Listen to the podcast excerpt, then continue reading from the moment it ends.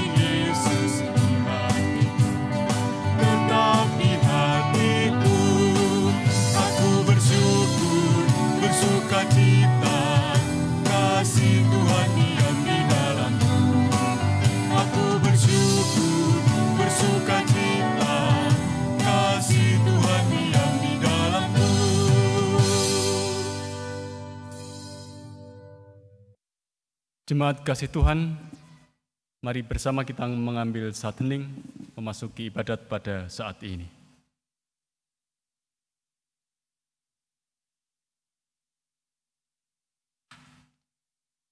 Kita kuduskan ibadah kita dengan pengakuan ibadah minggu dalam rangka Pekan Pemuda saat ini. Kami lakukan dalam nama Tuhan yang sudah memberi semangat kepada orang-orang muda. Kasih karunia dari Allah Bapa dan Tuhan Yesus Kristus menyertai saudara-saudara. Amin. Jemaat yang dikasihi dan yang mengasihi Tuhan, tema ibadah kita pada saat ini dalam rangka ibadah Pekan Pemuda tahun 2020 Gereja Kristen Jawetan, kita terima dari surah Asul Paulus kepada Timotius yang pertama, pasal 4 ayat yang ke-12 yang dituliskan kepada kita. Jangan seorang pun menganggap engkau rendah karena engkau muda. Jadilah teladan bagi orang-orang percaya dalam perkataanmu, dalam tingkah lakumu, dalam kasihmu, dalam kesetiaanmu, dan dalam kesucianmu. Amin. Kita angkat satu pujian masa muda.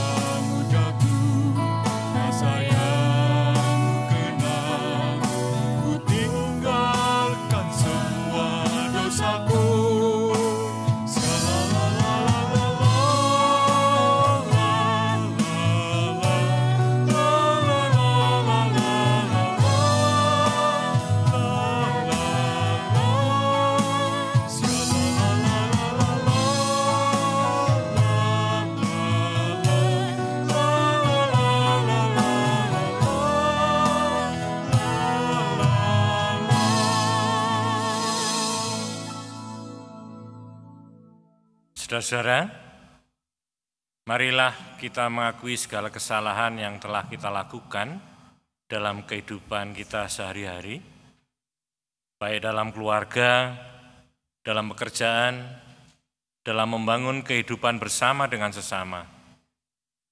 Dan marilah dengan penuh kerendahan hati, kita mohon pengampunan kepada Tuhan yang Maha Kasih. Ya Tuhan, Engkau telah menciptakan langit dan bumi dan segala isinya dalam keadaan baik. Tetapi kami sering kurang menghargai kebaikan ciptaanmu itu karena keserakahan kami. Ya Tuhan, ampunilah kami.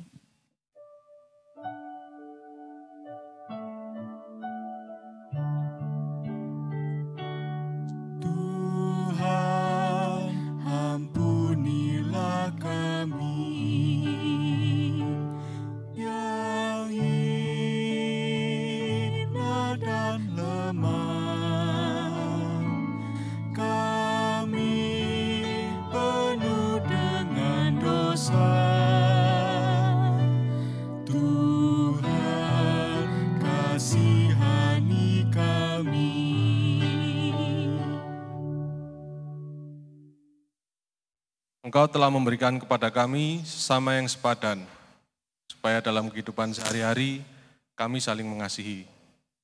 Tetapi kami mengakui bahwa kami masih belum mampu sepenuhnya saling mengasihi. Ya Tuhan, ampunilah kami.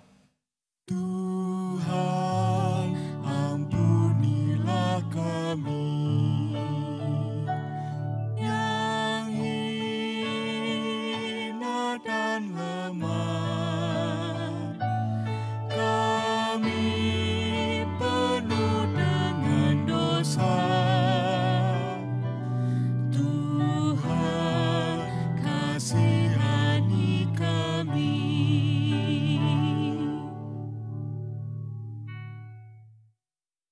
Engkau telah mempersekutukan dan mengkuduskan kami melalui gereja Kristen Jayawetan, tetapi kami masih sering mementingkan diri kami sendiri daripada persekutuan kami di tempat ini. Ya Tuhan, ampunilah kami. Tuhan,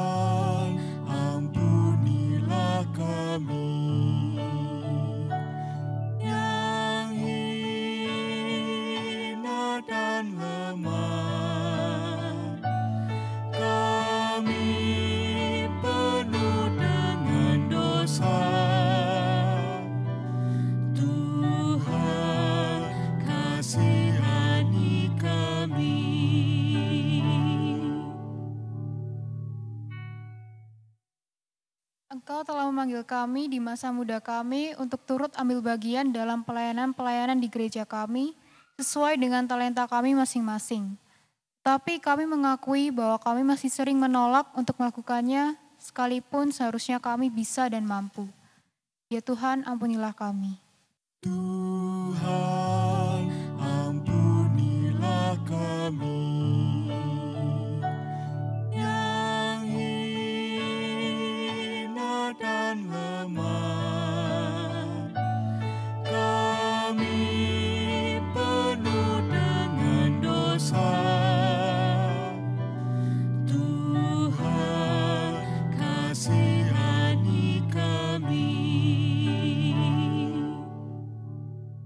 Saudara-saudara, Tuhan adalah Maha Kasih dan Penyayang. Apabila kita mengakui segala dosa dan kesalahan kita dengan hati yang tulus, maka ia berkenan mengampuni kita. Sebagaimana firman-Nya yang dituliskan, jika kita berkata bahwa kita tidak berdosa, maka kita menipu diri kita sendiri dan kebenaran tidak ada di dalam kita. Jika kita mengaku dosa kita, maka ia adalah setia dan adil, sehingga ia akan mengampuni segala dosa kita dan menyucikan kita dari segala kejahatan.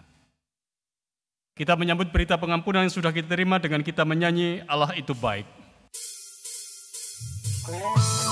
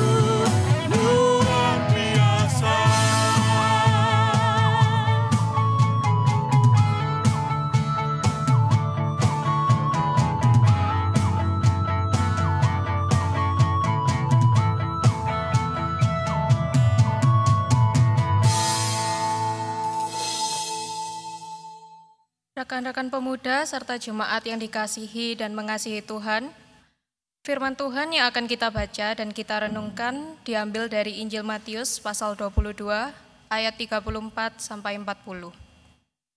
Dan mari kita mohon bimbingan Tuhan supaya Roh Kudus mengarahkan hati dan pikiran kita dalam firman-Nya. Mari kita berdoa. Ya Tuhan, bimbinglah kami supaya kami dapat mengerti dalam memaknai firman dan kehendak-Mu. Sinarilah hati dan pikiran kami, umatmu ini, dengan rohmu yang maha kudus, supaya dengan kesungguhan hati kami membuka hati dan pikiran kami untuk berkaca kembali dengan kebenaran firman Tuhan. Tuntunlah kami ya roh kudus, agar kehendakmu saja yang terjadi atas pemberitaan firmanmu saat ini. Haleluya, amin. Matius pasal 22 ayat 34 sampai 40 yang demikian bunyinya. Hukum yang terutama. Ketika orang-orang Farisi mendengar bahwa Yesus telah membuat orang-orang Saduki itu bungkam, Berkumpullah mereka dan seorang dari mereka, seorang ahli Taurat bertanya untuk mencobai dia. Guru, hukum manakah yang terutama dalam hukum Taurat? Jawab Yesus kepadanya, Kasihilah Tuhan Allahmu dengan segenap hatimu dan dengan segenap jiwamu dan dengan segenap akal budimu. Itulah hukum yang terutama dan yang pertama. Dan hukum yang kedua yang sama dengan itu ialah kasihilah sesamamu manusia seperti dirimu sendiri. Pada kedua hukum inilah tergantung seluruh hukum Taurat dan kitab para nabi. Demikian bunyi kesaksian firman Tuhan. Yang berbahagia adalah setiap orang yang mendengar dan melihara firman Tuhan dalam hati dan hidupnya. Amin. Firmanmu, berita bagi kakiku.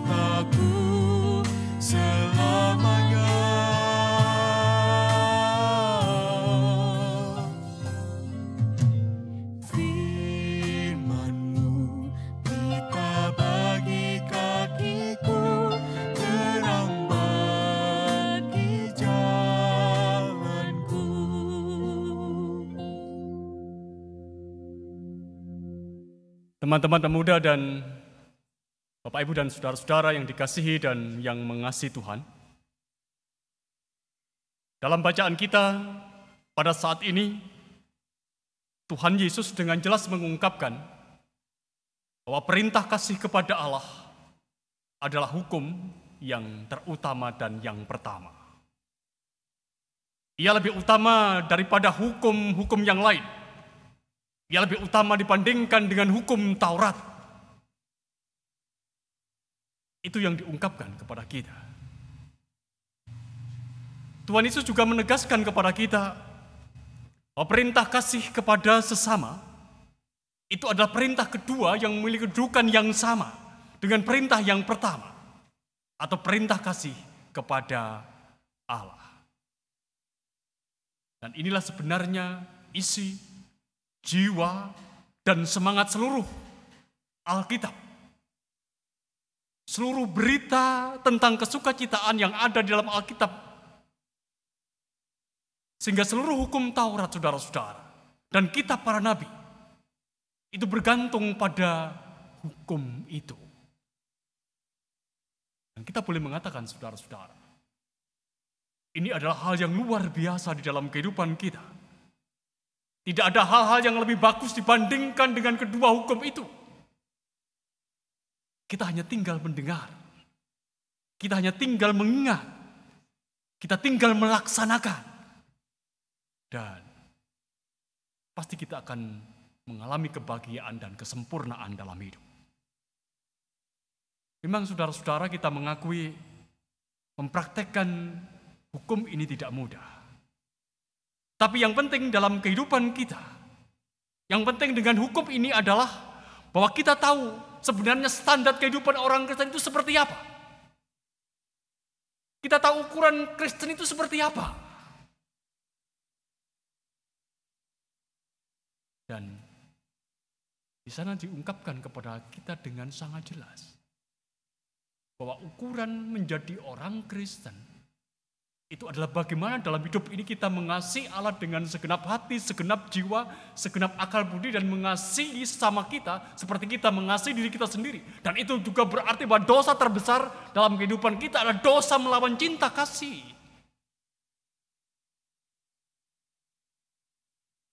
Saudara-saudara yang dikasihi dan yang mengasihi Tuhan. Pertanyaannya sekarang adalah, apa dan bagaimana kita harus membicarakan perintah kasih ini? Apa dan bagaimana kita harus membicarakan perintah kasih ini? Menurut hemat saya, saudara-saudara, yang harus ditekankan adalah kasih kepada Allah. Karena inilah kasih yang terbesar. Karena inilah hukum yang utama dan yang pertama. Mengapa saudara-saudara? Mengapa perintah kasih kepada Allah itu menjadi hukum yang terutama dan yang pertama? Tidak lain saudara-saudara, adalah karena Allah itu terlebih dahulu mengasihi kita. Kita ini ada karena dia. Kita ini menjadi Kristen, menjadi orang percaya karena dia. Oleh karena itu pertama-tama dalam hidup kita ini, mari belajar untuk mengasihi Allah kita. Yang memungkinkan kita untuk menjadi umatnya. Mari kita menyadari dalam kehidupan kita dengan sungguh-sungguh. Bapak, Ibu, dan saudara-saudara yang dikasih dan yang mengasihi Tuhan. Bahwa kasih kepada Allah itu bukan sesuatu yang abstrak. Kasih kepada Allah itu bukan sesuatu yang abstrak. Karena apa? Karena Allah itu ada di dalam kehidupan kita. Memang benar saudara-saudara, bahwa kita tidak mampu, kita tidak bisa melihat Allah dengan mata telanjang. Tapi bukan berarti bahwa Allah itu abstrak. Dia adalah pribadi yang sangat dekat dengan kita. Dan kita boleh mengatakan bahwa dia adalah Bapa dari Tuhan kita Yesus Kristus. Sebab itu kasih kepada Allah itu menjadi mungkin. Persoalannya adalah, dapatkah saudara-saudara? Dapatkah kita sungguh-sungguh mengasihi Allah dengan segenap hati, dengan segenap jiwa, dan dengan segenap akal budi kita? Bisakah kita mengasihi Allah itu secara total? Bisakah kita mengasihi Allah itu habis-habisan? Begitu diungkapkan kepada kita. Jawaban atas pertanyaan ini saudara-saudara tentu adalah dapat. Meski itu tidak mudah. Dan tidak mungkin itu terjadi dengan kekuatan kita sendiri. Ini yang perlu kita garis bawahi. Bahwa kasih kepada Allah dengan segenap hati, segenap jiwa, segenap akal budi itu mungkin, itu dapat. Tapi kita tidak mungkin bisa mewujudkannya dengan kekuatan yang ada di dalam diri kita sendiri. Lalu dengan kekuatan siapa? Kita hanya boleh mengakuinya kita bisa mengasihi Allah dengan segenap hati, segenap jiwa, dan segenap akal budi itu dengan kasih Yesus. Dengan kekuatan yang berasal dari Yesus dalam karya roh kudus di dalam kehidupan kita. Kalau kita mengingat saudara-saudara, dalam sebuah pengajarannya Tuhan Yesus pernah berjumpa dengan orang muda yang kaya. Pada saat itu dalam dialognya di dalam Injil Lukas pasal 19 diungkapkan bahwa orang muda yang kaya itu menjumpai Yesus dan kemudian ia mempertanyakan sesuatu kepada dirinya sampai pada akhirnya Tuhan Yesus pada saat itu menjawab supaya orang muda yang kaya itu pada akhirnya berani untuk menjual harta miliknya dan kemudian membagikannya kepada orang miskin. Itu tantangan Tuhan Yesus kepada orang muda yang kaya itu. Karena dikatakan bahwa orang muda yang kaya ini sudah memenuhi hukum Taurat sejak dari mudanya.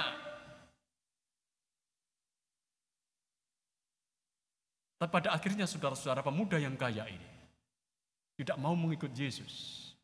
Dan dikatakan bahwa hartanya banyak. Saya menghayati saudara-saudara bahwa peristiwa orang muda yang kaya yang tidak dapat mengikuti Yesus dan menjual seluruh hartanya dan membagikannya kepada orang-orang miskin, itu menjadi bukti yang paling jelas bahwa kita tidak akan mungkin bisa mengasihi Allah dengan segenap hati, segenap jiwa, segenap akal budi kita jika kita mengandalkan kekuatan kita sendiri. Orang muda yang kaya itu saudara mengandalkan kekuatan diri dan ia tidak bisa mengasihi Allah secara total di dalam kehidupannya. Lalu konkretnya saudara-saudara, kita bisa bertanya, siapa sesungguhnya yang bisa mengasihi Allah itu dengan segenap hati, segenap jiwa, dan segenap akal budi itu? Saya menghayati saudara-saudara. Mereka yang bisa melakukan itu adalah orang-orang yang sadar dan percaya bahwa dirinya sangat dicintai oleh Allah. Orang-orang yang sadar dan percaya bahwa dirinya sangat dicintai oleh Allah. Dan kita tahu saudara-saudara, Yesus itu adalah bukti cinta Allah yang jelas, yang nyata, yang dinyatakan kepada dunia, kepada kita semua, dan kepada seluruh makhluk yang ada di muka bumi ini. Yesus adalah bukti cinta Allah. Karena dia adalah anak Allah yang hadir di tengah-tengah kehidupan di dunia ini. Bapak, Ibu, dan saudara-saudara yang dikasihi dan yang mengasihi Tuhan. Yesus itu datang menyatakan kasih Allah. Jika kita menghayati bahwa kasih Allah kepada kita itu hanya melalui Tuhan kita Yesus Kristus saudara-saudara. Dan kita menghayati bahwa kita hanya dimungkinkan untuk mengasihi Allah dengan segenap hati, segenap jiwa dan segenap akal budi itu karena kasih Yesus, maka pastilah dalam hidup ini kita akan dimampukan untuk mengasihi Allah secara total. Hanya Yesus, saudara-saudara, yang bisa melakukan hal itu di dalam kehidupan kita. Oleh karena itu saudara-saudara, untuk bisa mengasihi Allah, sekali lagi untuk bisa mengasihi Allah, dengan segenap hati, segenap jiwa, dan segenap akal budi, maka pertama-tama yang dilakukan adalah bagaimana kita harus menerima Yesus di dalam hidup kita. Tanpa menerima Yesus, saudara-saudara, kita tidak akan mungkin bisa mengasihi Allah dengan segenap hati dan segenap jiwa dan segenap akal budi. Karena apa? Karena kasih Allah yang nyata, kasih Allah yang tegas, kasih Allah yang jelas, itu nyata dalam kehidupan Tuhan kita Yesus Kristus. Pak Ibu dan saudara-saudara yang dikasihi dan yang mengasihi Tuhan, lalu bagaimana kita harus berbicara tentang perintah kedua yang sama dengan perintah yang pertama. Saudara-saudara, Injil itu penuh dengan contoh kasih pada sesama. Tapi perlu dikatakan dan ditegaskan di sini saudara-saudara, yang dinyatakan kepada kita adalah mengasihi orang lain seperti dirimu sendiri. Nah, sebenarnya Tuhan Yesus mengajarkan kepada kita semua saudara-saudara supaya kita memahami orang lain itu sebagai bagian dari kehidupan kita. Ungkapan yang ditegaskan oleh Tuhan Yesus saudara-saudara seperti dirimu sendiri. Kalau dilihat dalam perspektif perjanjian lama saudara-saudara ini adalah sebuah pengajaran yang sangat revolusioner karena pada saat itu di dalam perjanjian lama tidak pernah diungkapkan seperti itu. Tapi Tuhan Yesus menegaskan kasihlah sama manusia seperti engkau mengasihi dirimu sendiri. Tuhan Yesus mengundang kepada kita semua untuk mengubah pandangan kita dan sikap kita terhadap sesama. Setiap manusia adalah bagian dari diri kita. Oleh karena itu saudara-saudara, mereka dicintai dan didamba segala yang baik. Seperti kita mencintai dan mendamba segala yang baik bagi diri kita sendiri. Dan inilah saudara sesungguhnya tantangan atas kehidupan kita.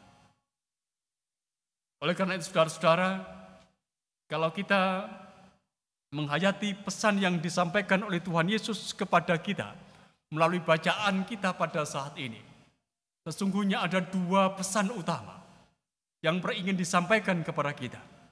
Yang pertama, saudara-saudara, bahwa perintah kasih kepada Allah sebagai hukum yang terutama dan yang pertama, itu hanya bisa diwujudkan dalam kesadaran bahwa kita ini dicintai oleh Allah. Sadarlah bahwa kita dicintai oleh Allah. Yang kedua, bahwa perintah kasih kepada sesama sebagai perintah kedua yang memiliki kedudukan yang sama seperti perintah yang pertama. Hanya bisa diwujudkan itu dalam kesadaran bahwa sesama itu adalah bagian dari diri kita sendiri. Orang lain itu adalah bagian dari diri kita. Dan kita mengetahui saudara-saudara seluruh kehidupan Yesus merefleksikan dua kesadaran ini. Sekali lagi, bahwa seluruh karya dan kehidupan Tuhan Yesus merefleksikan dua kesadaran ini. Bahkan kematian pun sudah dipandang sebagai cara untuk mewujudkan cintanya kepada Bapaknya dan cintanya kepada manusia. Nah pada saat ini ketika kita bersama-sama merayakan dan ikut terlibat dalam Minggu Pekan Pemuda GKJW tahun 2020 dengan tema yang sudah disampaikan kepada kita Tema untuk Pekan Pemuda tahun 2020 GKJW itu adalah bergas. Ini bukan terminologi Jawa, ini adalah sebuah singkatan. Yang menunjuk pada pemuda berkarya, pemuda bergaya, dan berasa dalam Kristus. Saya menghayati saudara-saudara, pemuda hanya bisa berkarya, bergaya, dan berasa dalam Kristus. Maka titik berangkatnya itu harus jelas. Titik berangkatnya adalah kesadaran. Kesadaran bahwa kita dicintai oleh Allah. Kesadaran bahwa orang lain itu adalah bagian dari diri kita. Jika kita mengatakan bahwa tema ini adalah sebuah harapan, pemuda yang berkarya, pemuda yang bergaya, pemuda yang berasa di dalam Kristus, maka sesungguhnya dalam kesadaran kita bahwa kita dicintai oleh Tuhan dan kita hidup bersama dengan orang lain dan mereka adalah bagian dari kehidupan kita. Kesadaran itu yang memungkinkan kita pada akhirnya kita bisa mewujudkan apa yang menjadi tema kita pada saat ini. Kalau kita kembali mengingat tema kita, dalam ibadat kita pada saat ini di dalam 1 Timotius pasal 4 ayat yang ke-12 dikatakan kepada kita suratnya Rasul Paulus Jangan seorang pun menganggap engkau rendah karena engkau muda. Jadilah teladan bagi orang-orang percaya dalam perkataan, dalam tingkah lakumu, dalam kasihmu, dalam kesetiaanmu, dan dalam kesucianmu. Itulah harapan Rasul Paulus yang sangat jelas kepada Timotius sebagai anak rohaninya. Supaya apa? Supaya Timotius menunjukkan di dalam kehidupannya sebuah model kehidupan yang menjadi teladan atas kehidupan orang lain. Sebagaimana kehidupan Kristus yang menjadi teladan atas kehidupan orang lain. Kehidupan yang dibangun di atas kesadaran bahwa Tuhan mengasihi kita. Dan orang lain itu adalah bagian dari diri kita. Sehingga saudara-saudara, kalau kita dengan penuh kesadaran bisa mewujudkan harapan dalam tema ini, maka kita berharap bahwa kita akan menjadi seperti Kristus.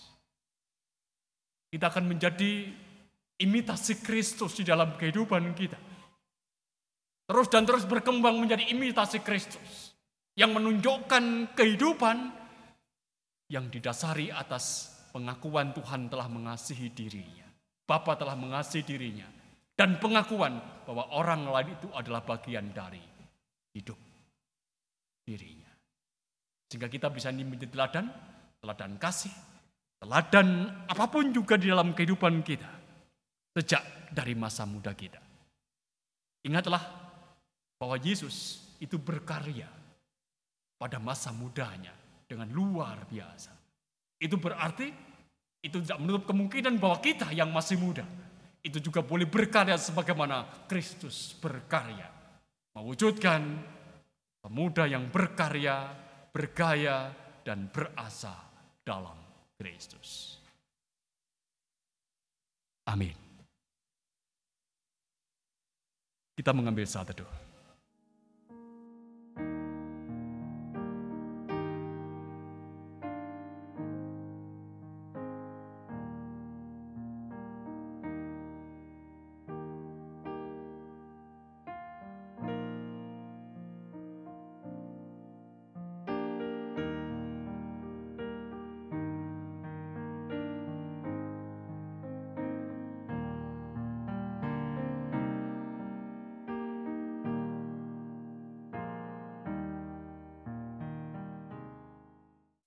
Jemaat yang terkasih kami undang untuk berdiri.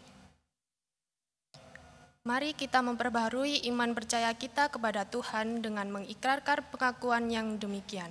Pengakuan iman rasuli. Aku percaya kepada Allah, Bapa yang Maha Kuasa, Khalid langit dan bumi, dan kepada Yesus Kristus anaknya yang tunggal Tuhan kita, yang dikandung daripada roh kudus, lahir dari anak darah Maria, yang menderita di bawah pemerintahan Pontius Pilatus, disalibkan, mati, dan dikuburkan, turun ke dalam kerajaan maut. Pada hari yang ketiga, bangkit pula dari antara orang mati, naik ke surga, duduk di sebelah kanan Allah, Bapa yang Maha Kuasa, dan akan datang dari sana untuk menghakimi orang yang hidup dan yang mati. Aku percaya kepada Roh Kudus, gereja yang kudus dan am, persekutuan orang kudus, pengampunan dosa, kebangkitan daging, dan hidup yang kekal. Amin. Jemaat dipersilakan duduk. Jemaat kasih Tuhan kita akan dengarkan satu pujian dari saudara kita Abner dengan judul pujian untuk Tuhan mengenalmu.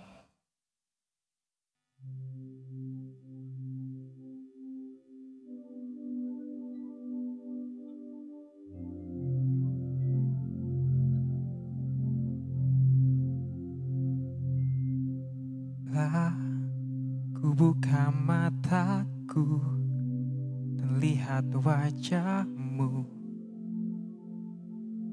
Ku terkagum bila ku lihat hidupku dan karya tanganmu. Ku tersanjung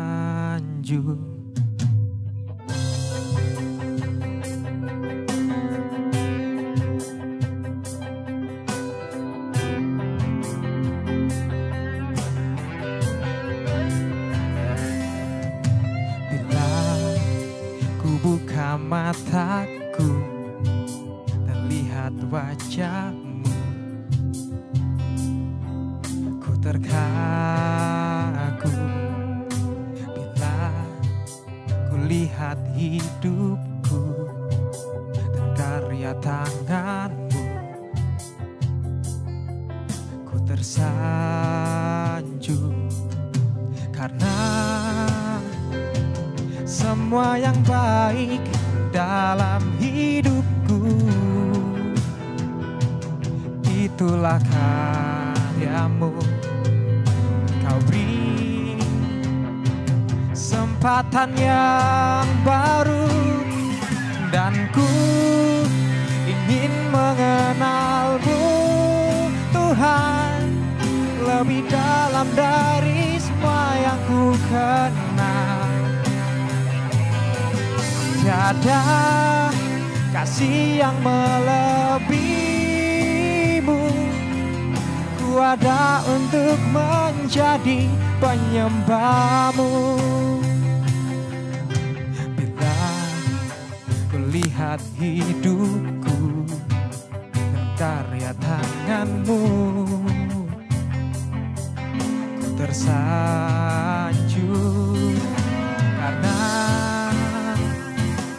semua yang baik dalam hidupku. Itulah karyamu. Kau beri kesempatan yang baru Dan ku ingin mengenalmu. Tuhan lebih dalam dari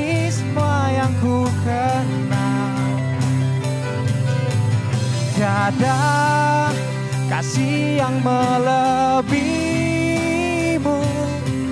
Ku ada untuk menjadi penyembahmu. Dan ku ingin mengenalmu. Tuhan lebih dalam dari semua yang ku kenal. Tiada kasih yang melebihimu. Ku ada untuk menjadi Ku ada untuk menjadi Ku ada untuk menjadi.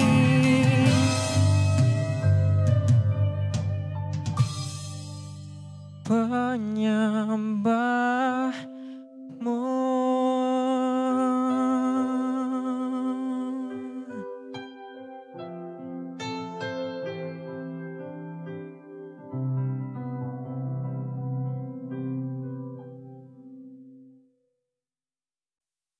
Ikrar dan janji pemuda GKJW. Ikrar dan janji pemuda GKJW. Kami, pemuda-pemudi GKJW, Kami, pemuda-pemudi GKJW, berjanji menjunjung tinggi patunggilan Kang Nyawiji. berjanji menjunjung tinggi patung gilang Kang Nyawiji. Kami, pemuda-pemudi GKJW, Kami, pemuda-pemudi GKJW, berjanji mewujudkan kepekaan dan kepedulian terhadap sesama. berjanji mewujudkan kepekaan dan kepedulian terhadap sesama. Kami, pemuda-pemudi GKJW, Kami, pemuda-pemudi GKJW, berjanji mengambil bagian dalam pekerjaan Tuhan sesuai dengan talenta yang telah diberikan. janji mengambil bagian dalam pekerjaan Tuhan sesuai dengan talenta yang telah diberikan.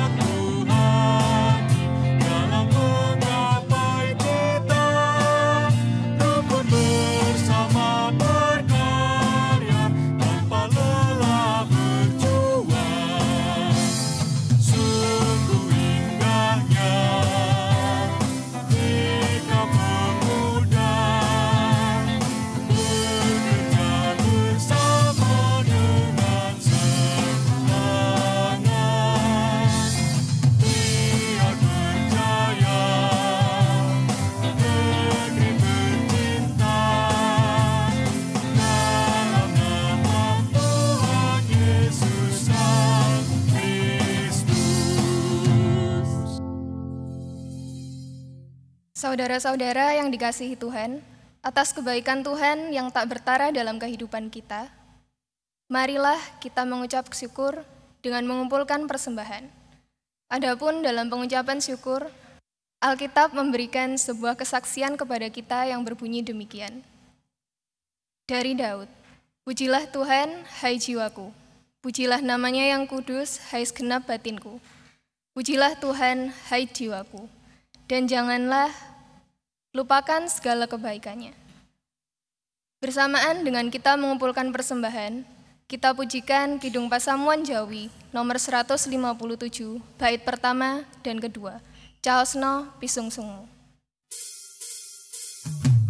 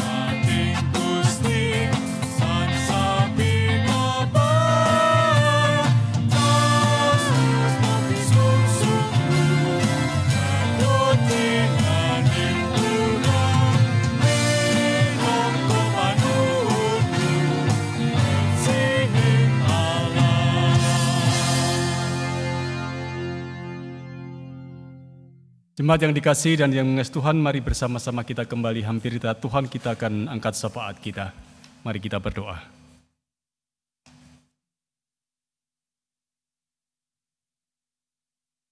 Di dalam segala keterbatasan dan kekurangan kami Tuhan perkenankan pada saat ini. Kembali kami anak-anak menghampiri tahtamu. Kami ucapkan syukur untuk penyertaan pimpinan dan pendampingan Tuhan atas kami. Di mana Engkau telah memberikan kesempatan bagi kami untuk menikmati persekutuan kami dengan Engkau dan dengan saudara-saudara kami di dalam Tuhan kami Yesus Kristus. Biarkanlah persekutuan yang sekalipun ini tetap kami bangun dalam kehidupan keluarga masing-masing akan menjadikan kami semakin memahami betapa Engkau adalah Allah yang mengasihi kami karena Engkau adalah Allah yang persekutuan kami di dalam Tuhan kami Kristus dan berikan harapan atas kehidupan kami dalam kami melangkahkan kaki kami menapaki kehidupan yang Tuhan sediakan. Terima kasih Tuhan kalau pada saat ini Engkau telah mewartakan sabdamu atas kami. Mengingatkan kepada kami semua, supaya kami semakin memahami akan perintah kasih yang sudah Engkau beritakan bagi kami. Supaya kami juga semakin menyadari bahwa kami ini adalah anak-anakmu yang Engkau cintai di dalam Tuhan kami Kristus. Dan kami semakin menyadari bahwa orang lain itu harus kami cintai sebagaimana kami mencintai diri kami sendiri. Orang lain adalah bagian dari kehidupan kami. Dengan demikian, kami akan belajar untuk mewujudkan dalam hidup kami itu kehidupan Yesus Kristus. Karena seluruh kehidupan Yesus Kristus merefleksikan kasih yang diterimanya dari Sang Bapa dan kasih kepada orang lain dan kepada dunia yang Bapa telah ciptakan. Terima kasih Tuhan untuk firman-Mu. Jangan jadikan kami hanya menjadi pewarta dan pendengar, tapi berikanlah kami kekuatan untuk mewujud nyatakan apa yang menjadi firman itu dalam kehidupan kami, sehingga firman-Mu tak menjadi sia-sia dan berbuah dalam kehidupan kami masing-masing. Apa di sorga, kami juga boleh bersyukur kepada Engkau, karena Engkau memberikan kesempatan bagi kami semua untuk turut terlibat dalam ibadah Pekan Pemuda GKJW tahun 2020 ini. Biarkanlah kami anak-anakmu semuanya akan semakin engkau dorong untuk mampu berkarya, berasa, dan akan senantiasa bergaya di dalam kehidupannya, di dalam Tuhan Yesus Kristus. Kami mengakui ya Allah, bahwa kami adalah pribadi-pribadi yang terbatas. Kami hanya bisa mewujudkan apa yang menjadi harapan Tuhan sebagai pemuda gereja Kucen Jawetan itu jika kami dapat kekuatan dari Engkau dalam karya Roh Kudus. Bapa di sorga, perkenankan pada saat ini kami juga mohon kepada Engkau supaya Engkau sebagai Allah kami yang akan menaungi kehidupan kami sebagai pribadi dan sebagai keluarga. Supaya hanya karena naungan Tuhan, kami tak boleh merasakan damai sejahtera dan keselamatan yang berasal dari Engkau. Berdoa pada saat ini, untuk pergumulan hidup yang dihadapi oleh semua umatmu. Saudara kami yang ada dalam sakit, Tuhan yang akan memberikan kesembuhan. Saudara kami yang ada dalam kegelapan, Tuhan yang akan berikan terang hidup. Saudara kami yang ada dalam kelemahan, Tuhan yang akan menopang dan berikan kekuatan yang baru. Saudara kami yang ada dalam terguncangan iman, Tuhan yang akan meneguhkan. Saudara kami yang ada dalam belenggu kuasa-kuasa kegelapan, Tuhan yang akan bebaskan dalam karya roh kudus supaya hanya karena pertolongan Tuhan maka setiap pergumulan akan boleh dilewati dan setiap pribadi akan boleh semakin mengakui atas karya dan kuasa Tuhan yang nyata di dalam hidupnya. Perkenankan pula pada saat ini kami berdoa untuk gereja Tuhan, gereja Kristen Jawetan secara khusus di Jemaat Malang ini, Tuhan yang akan senantiasa memimpin menyertai dan memampukan gereja Tuhan untuk tetap boleh bertumbuh di tengah-tengah situasi kehidupan yang semakin hari semakin terasa berat ini. Engkau yang akan berkati penatua dan diakan dan juga padan-padan bantu yang ada di dalamnya. Dan termasuk juga semua yang terlibat dalam semua pelayanan yang ada di KJW Jemaat Malang ini termasuk karyawan gereja. Tuhan yang akan memberikan kemampuan kepada setiap pribadi untuk boleh memberikan yang terbaik bagi kemuliaan nama Tuhan dan dengan demikian maka semua roda pelayanan akan boleh berjalan dengan baik dan akan menjadi sarana bagi gereja Tuhan untuk boleh dikenal bagi dunia di mana Engkau menempatkan kami sebagai gereja Tuhan. Berdoa pula pada saat ini untuk rencana-rencana ke depan terkait dengan pelayanan yang ada di KJW Jemaat Malang, Tuhan juga yang akan menyertai Tuhan yang memimpin. Supaya apa pun juga yang menjadi perencanaan, biarkanlah itu menjadi rencana Tuhan yang akan Tuhan nyatakan atas kehidupan kami melalui gereja Tuhan. Berdoa pula pada saat ini untuk setiap pekerjaan yang dilakukan oleh umatmu, oleh warga jemaatmu di KJW Jemaat Malang ini supaya setiap orang melalui setiap pekerjaan yang dilakukannya akan beroleh berkat Tuhan dan merasakan cukup berkat Tuhan atas hidupnya. Kalau ada pergumulan terkait dengan pekerjaan yang dihadapi oleh setiap umatmu, kami juga menyerahkan kepada Tuhan, supaya pergumulan itu pun juga boleh dilaluinya.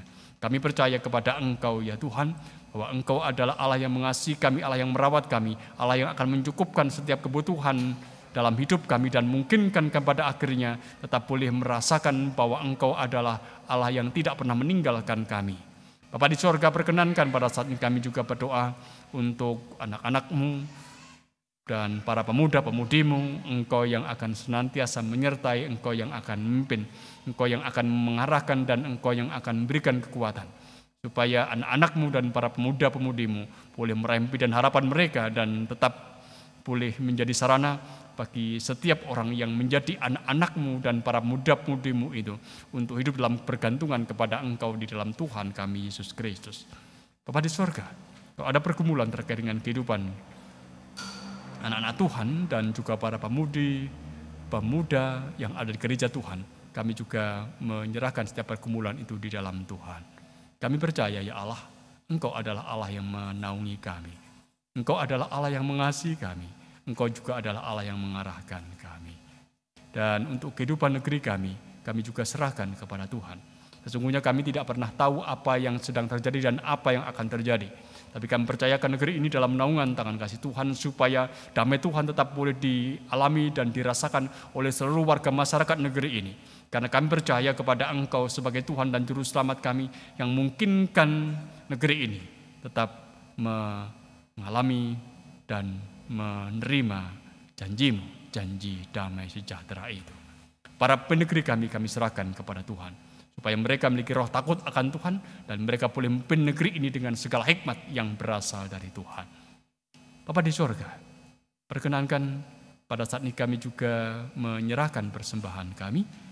Sesungguhnya yang kami berikan kepada engkau, ini tidak sebanding dengan berkat Tuhan yang begitu besar atas kami. Persembahan ini sungguhnya merupakan ungkapan pengakuan di dalam diri kami bahwa kami hidup bergantung kepada Tuhan. Oleh karena itu berkatilah persembahan yang sudah kami kumpulkan ini sehingga berguna untuk kemuliaan nama Tuhan melalui kehidupan pelayanan yang ada di jemaat Tuhan, terutama di GKJW Jawa Malang ini. Dan berkatilah setiap pribadi yang telah memberikan persembahan itu supaya hidupnya pun boleh berkecukupan hanya karena kasih karunia Tuhan. Bapak di sorga, kami mengungkapkan doa ini dalam keterbatasan Engkau yang menyempurnakan sebagaimana Tuhan Yesus yang telah mengajarkan kepada kami berdoa. Bapa kami yang di sorga, dikuduskanlah namamu. Datanglah kerajaan, jadilah kehendakmu di bumi seperti di sorga. Berikanlah kami pada hari ini makanan kami yang cukupnya, dan ampunilah kami akan kesalahan kami, seperti kami juga mengampuni orang yang bersalah kepada kami dan janganlah membawa kami ke dalam pencobaan, tapi lepaskanlah kami daripada yang jahat, karena engkaulah yang punya kerajaan kuasa dan kemuliaan sampai selama-lamanya. Amin. Jemaat yang dikasihi dan yang mengasihi Tuhan, kita akan bersama-sama mengakhiri ibadah kita. Mari tetap tangguh dalam berkarya, bergaya, dan berasa dalam Kristus. Sekalipun banyak tantangan dan halangan di depan kita. Mari tetap setia dalam berkarya, bergaya, dan berasa dalam Kristus Yesus, Tuhan kita, Sang Sumber kebenaran, yang menjaga dan menguatkan kita semua. Hai bangkit bagi Yesus.